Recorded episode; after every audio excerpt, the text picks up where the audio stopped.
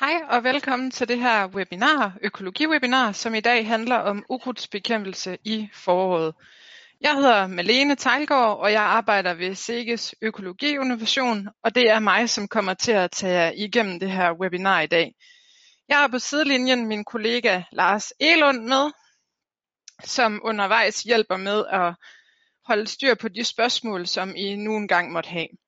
Det her webinar det er det første i rækken af en, en række kommende webinarer, vi udbyder for Sikkes Økologi Innovation, og det er første gang, vi prøver at afholde det her, og det er også første gang, at os, der afholder det, er lidt på afstand af hinanden på grund af de her tider, vi er i lige nu.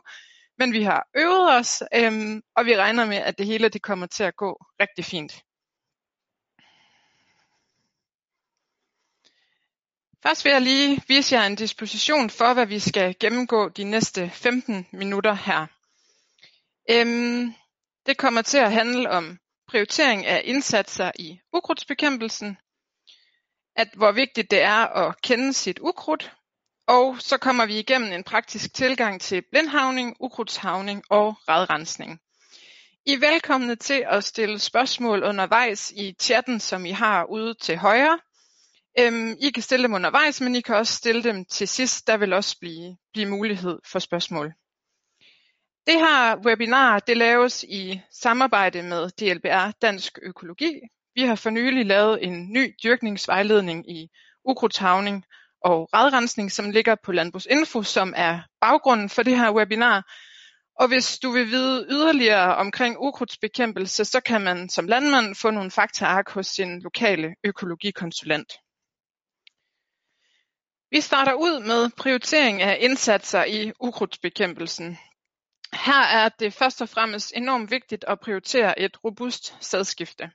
Det gælder om at prioritere kløvergræs eller slatafgrøder ind i sit sædskifte. Kløvergræs eller lucerne for eksempel med gentagende slat. De bekæmper effektivt rodukrudt som agertisler og agersvinemælk, og samtidig med så reducerer de mængden af frøukrudt. De her gentagende slet, de udsulter rodukrudtet, og flereårige afgrøder, det passer ikke sammen med den enårige livscyklus, som frøukrudt har. Så hvis frøene kommer til at ligge i jorden i længere tid, så vil de simpelthen miste spireevnen.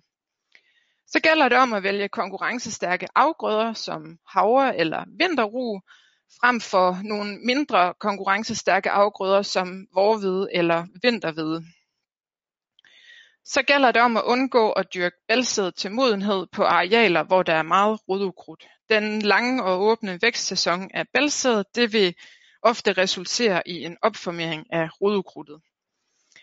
Og så gælder det altså, at sædskiftet det skal prioriteres forud for sortsvalg. Nogle sorter de differentierer sig med bedre ukrudtskonkurrence, men her skal vi altså bare sige, at det gælder om at prioritere det sædskiftet forud for sorternes egenskaber.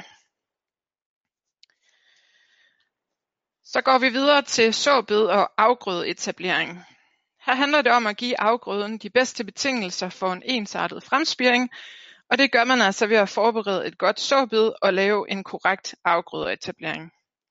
Det kan man gøre ved at sørge for at pakke jorden efter pløjning, for at undgå at den udtørrer og for at undgå uens fremspiring.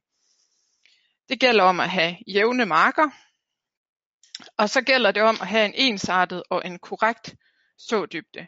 En ensartet sådybde, det øger fremspiringshastigheden, og korrekt sådybde, det muliggør efterfølgende den mekaniske bekæmpelse. Og så gælder det altså om ikke at spare på udsæden, det vil sige sørg for at have planter nok.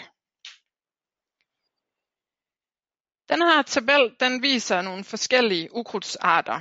Der er stor forskel på hvor aggressive de forskellige arter de er, og hvor effektivt de kan kontrolleres med mekanisk bekæmpelse.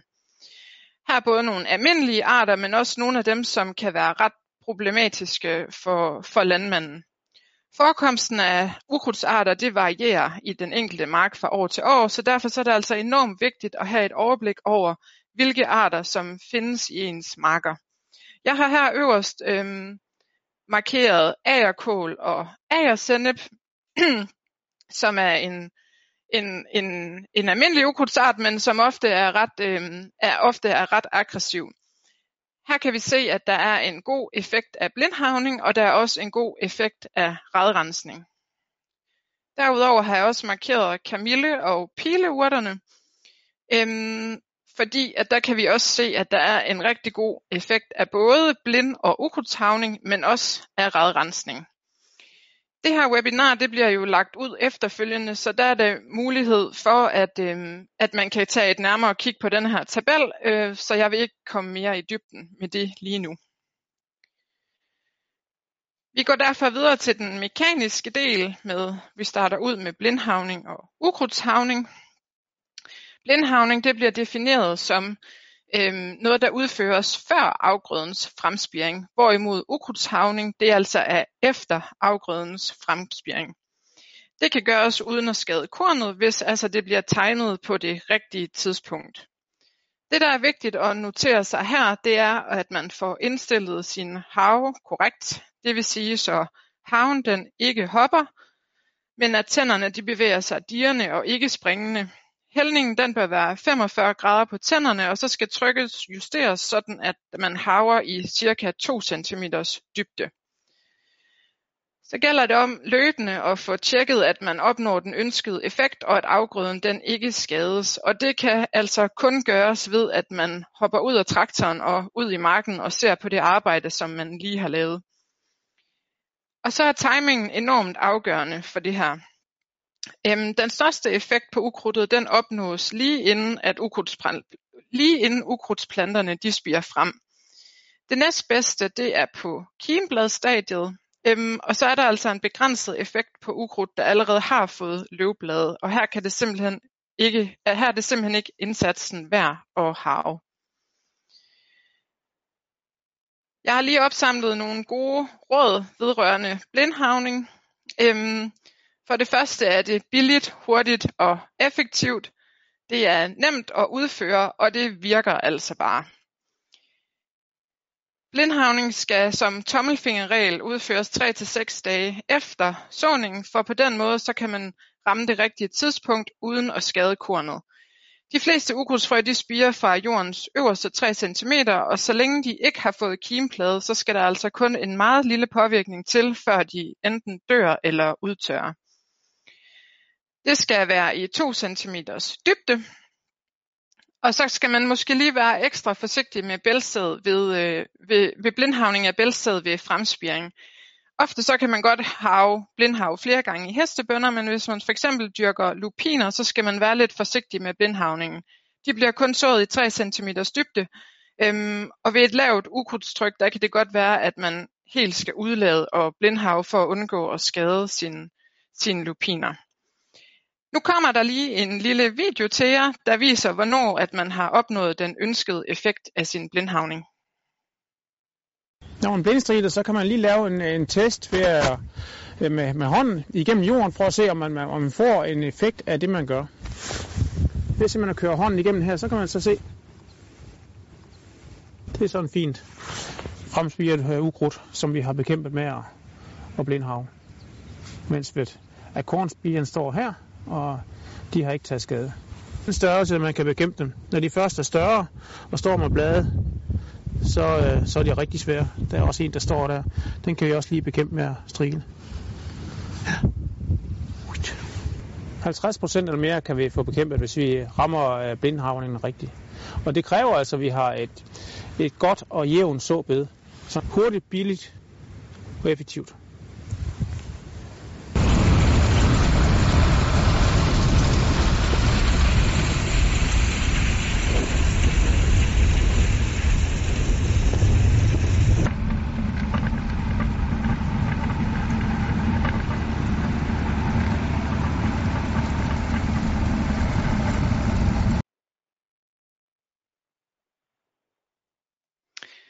Vi hopper videre til ukrudtshavning.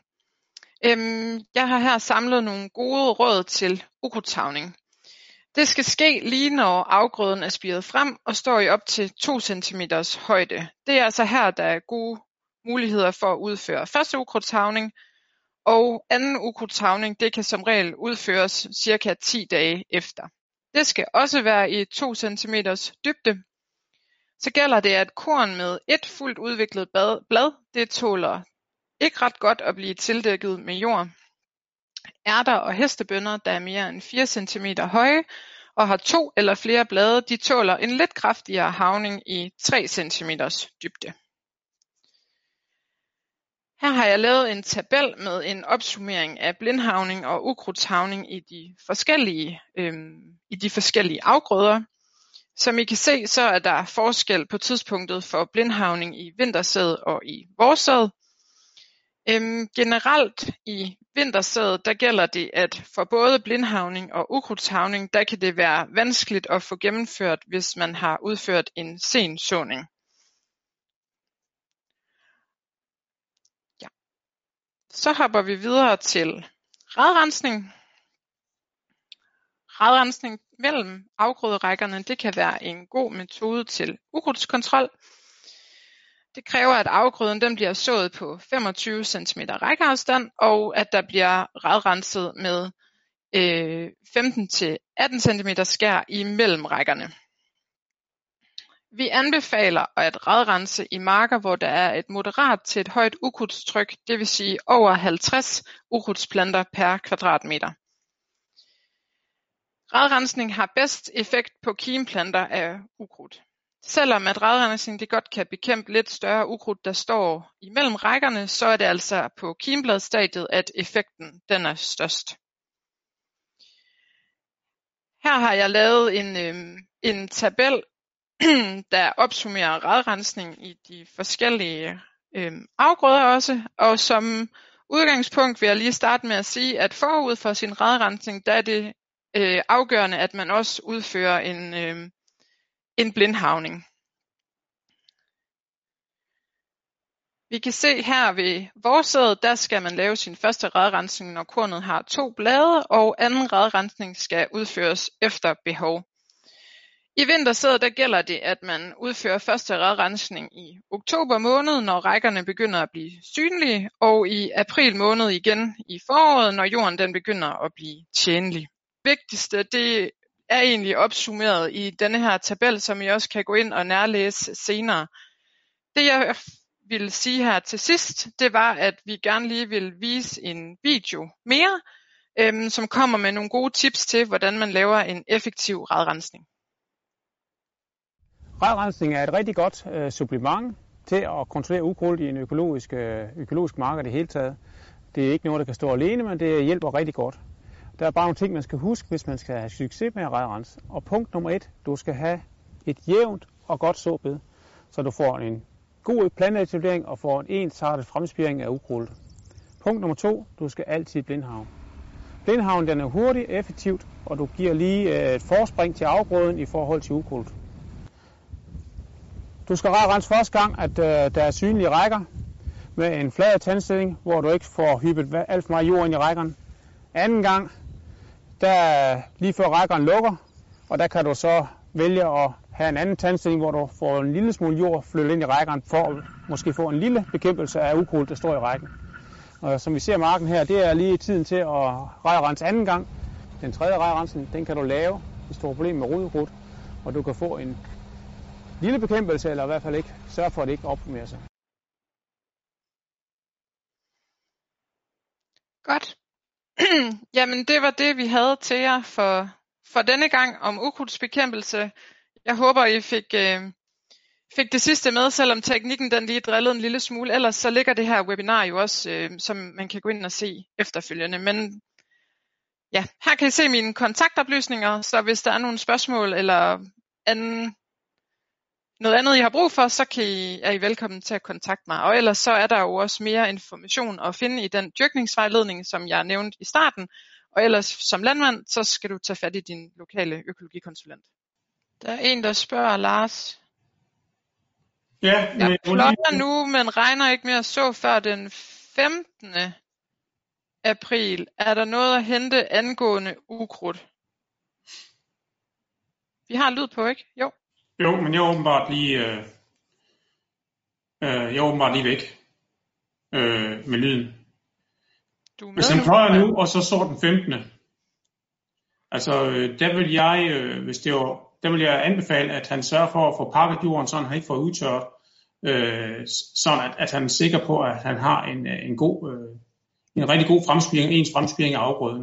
Det er i hvert fald punkt nummer et.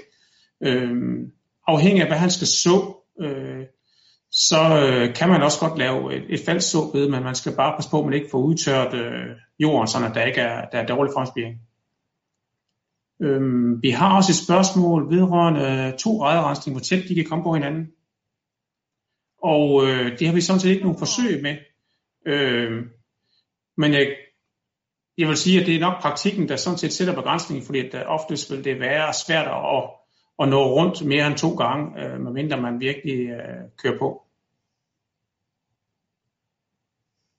Øh, er der flere spørgsmål?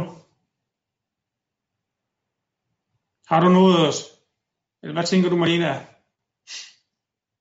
Spørg Claus igen, er der lavet forsøg med forskellige intervaller mellem radrensninger? øhm, det er der, det er, det er der, der vel ikke? Nej, det er der ikke. Øhm, det er, der er lavet med 1, 2 og 3 redrensninger, men vi har ikke lavet forsøg med intervallet imellem. Og, øh, og det, det, er, det, det er samtidig mere et spørgsmål om, om, om praktikken og vejret, hvor, hvor tit man kan køre, og hvor hurtigt man kan komme rundt øh, på sin ejendom. Øh, mm. Så vi har ikke nogen forsøg, der, der viser, at der skal være 3 eller 5 eller 10 dage. Kommer kommentar på, at der manglede lidt lyd, og videoen er hakket. Ja, det er, hvad der kan ske. Men yeah. som sagt, så, øhm, så kommer det til at ligge i den fulde version efterfølgende, hvor man i ro og mag kan gå ind og se forhåbentlig det hele. Så det satser vi på. Og forhåbentlig med, hvor, der, hvor lyden ikke lige pludselig hopper af og sådan noget. Ja. Er der flere, der har nogle spørgsmål? Er der flere, der har noget lige på falderæbet? Ellers så tror jeg, at vi siger, siger tak for nu, og tak til jer, der fulgte med derude.